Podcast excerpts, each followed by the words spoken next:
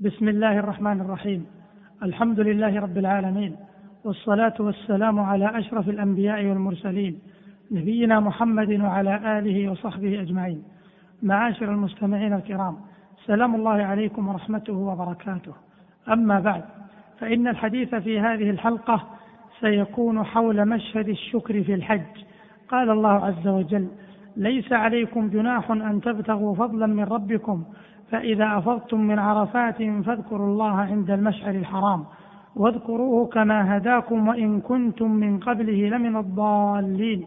وقال عز وجل والبدن جعلناها لكم من شعائر الله لكم فيها خير فاذكروا اسم الله عليها صواف فإذا وجبت جنوبها فكلوا منها وأطعموا القانع والمعتر كذلك سخرناها لكم لعلكم تشكرون. ففي الآيتين السابقتين إشارة إلى واجب الشكر لله تبارك وتعالى.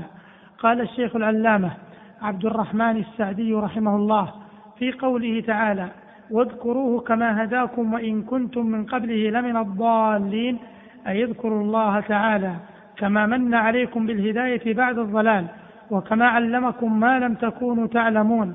فهذه من أكبر النعم التي يجب شكرها ومقابلتها بذكر المنعم بالقلب واللسان.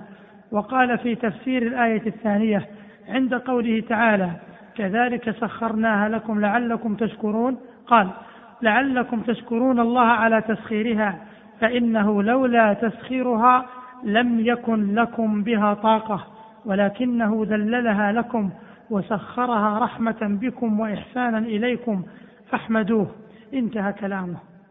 هذا وإن كثيرا من النصوص جاءت مبينة منزلة الشكر حافة على ملازمته فالشكر من أجل العبوديات وأعلى المنازل إذ هو نصف الإيمان فالإيمان صبر وشكر وقد أمر الله بالشكر ونهى عن ضده وأثنى على أهل الشكر ووصف به خاصة خلقه ووعد أهله بأحسن جزائه وجعله سببا للمزيد من فضله وحارسا وحافظا لنعمته وأخبر عز وجل أن أهل الشكر هم المنتفعون بآياته والشكر قيد النعم الموجودة وصيد النعم المفقودة. وحقيقة الشكر معاشر المستمعين هو ظهور أثر نعمة الله على لسان عبده ثناء واعترافا وعلى قلبه شهودا ومحبة وعلى جوارحه انقيادا وطاعة. والمؤمن حقا هو من يلازم الشكر في شتى أحواله. فإذا نزل به ما يحب شكر الله عليه إذ هو المنعم المتفضل وإذا نزل به ما يكره شكر الله على ما قدره عليه كظما للغيظ وسترا للشكوى ورعاية للأدب وسلوكا لمسلك العلم. فإن العلم بالله والأدب معه يأمران بشكر الله على المحاب والمكاره وإن كان الشكر على المكاره أشق وأصعب.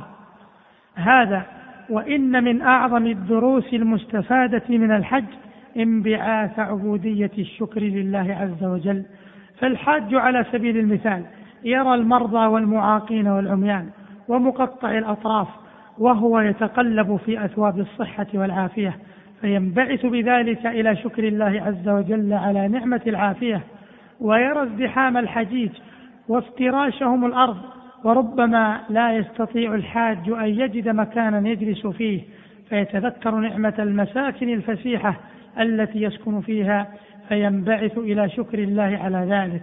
ويرى الفقراء والمعوزين الذين لا يجدون ما يسدون به رمقهم فينبعث إلى شكر الله على نعمة المال والغنى. ويرى نعمة ربه عليه أن يسر له الحج الذي تتشوق إليه نفوس الكثيرين من المسلمين ولكنهم لا يستطيعون إليه سبيلا. فيشكر الله عز وجل أن يسر له الحج وأعانه على أداء مناسكه بل ويرى نعمة ربه عليه أن جعله من المسلمين فينبعث إلى شكر نعمة الإسلام ويعض عليها بالنواجذ ويثني عليها بالخناصر لأن نعمة الإسلام لا تعدلها نعمة البتة. وهكذا تقوم عبودية الشكر في الحج فيكون الحاج من الشاكرين وإذا كان كذلك درت نعمه وقرت معاشر المستمعين. إليكم هذه القصة العجيبة في الشكر.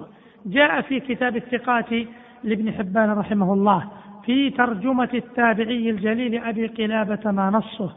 أبو قلابة عبد الله بن زيد الجرمي من عباد أهل البصرة وزهادهم يروي عن أنس بن مالك ومالك بن الحويرث وروى عنه أيوب وخالد. مات بالشام سنة أربع ومائة في ولاية يزيد بن عبد الملك حدثني بقصة موته محمد بن المنذر بن سعيد. قال حدثنا يعقوب بن إسحاق بن الجراح. قال حدثنا الفضل بن عيسى عن بقية بن الوليد. قال حدثنا الأوزاعي عن عبد الله بن محمد. قال خرجت إلى ساحل البحر مرابطا وكان رابطنا يومئذ عريش مصر.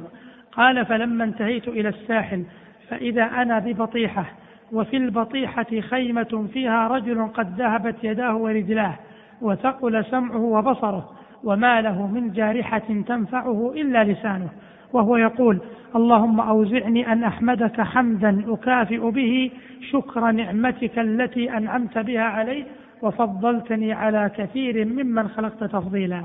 قال الأوزاعي قال عبد الله قلت والله لآتين هذا الرجل ولأسألنه أن له هذا الكلام فهم أم علم أم إلهام ألهم؟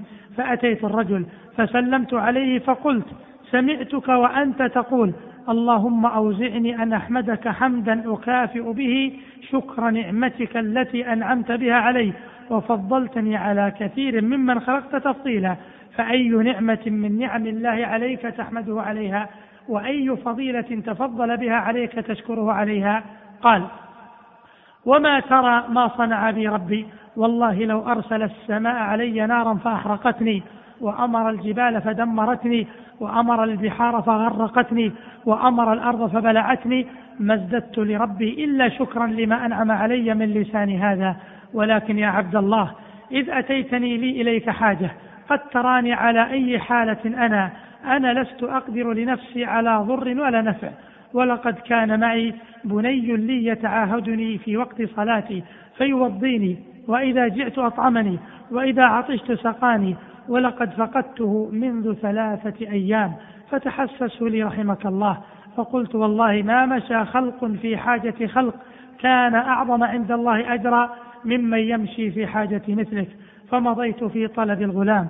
فما مضيت غير بعيد حتى صرت بين كثبان من الرمل فإذا أنا بالغلام قد افترسه سبع وأكل لحمه فاسترجعت وقلت أن لي وجه رقيق آتي به الرجل فبينما أنا مقبل نحوه إذ خطر على قلبي ذكر أيوب النبي صلى الله عليه وسلم فلما أتيته سلمت عليه فرد علي السلام فقال ألست بصاحبي؟ قلت بلى.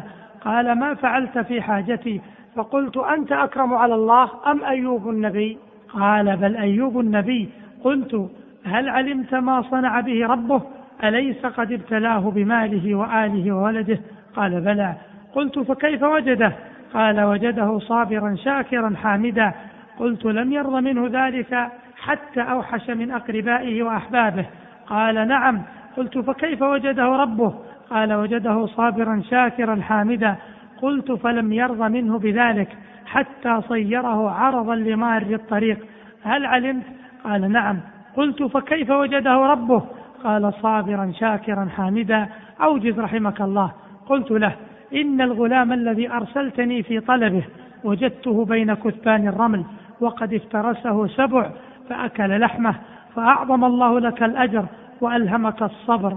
فقال المبتلى الحمد لله الذي لم يخلق من ذريتي خلقا يعصيه فيعذبه بالنار ثم استرجع وشهق شهقة فمات. فقلت إنا لله وإنا إليه راجعون. عظمت مصيبتي. رجل مثل هذا إن تركته أكلته السباع وإن قعدت لم أقدر له على ضر ولا نفع فسجيته بشملة كانت عليه وقعدت عند رأسه باكيا فبينما أنا قاعد إذ تهجم علي أربعة رجال فقالوا يا عبد الله ما حالك وما قصتك؟ فقصصت عليهم قصتي وقصته. فقالوا لي اكشف لنا عن وجهه فعسى أن نعرفه فكشفت عن وجهه فانكب القوم عليه يقبلون عينيه مرة ويديه أخرى ويقولون بأبي عين طالما غضت عن محارم الله وبأبي وجسمه طالما كنت ساجدا والناس نيام. فقلت من هذا يرحمكم الله؟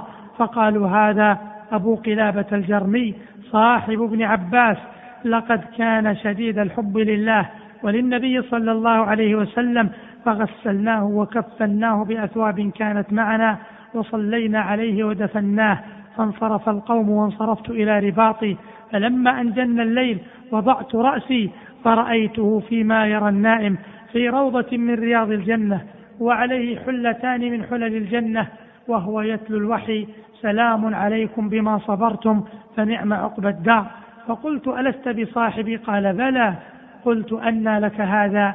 قال إن لله درجات لا تنال إلا بالصبر عند البلاء والشكر عند الرخاء مع خشية الله عز وجل في السر والعلانية. اللهم اجعلنا ممن إذا أعطي شكر وإذا ابتلي صبر وإذا أذنب استغفر. وصل اللهم وسلم على نبينا محمد. والسلام عليكم ورحمة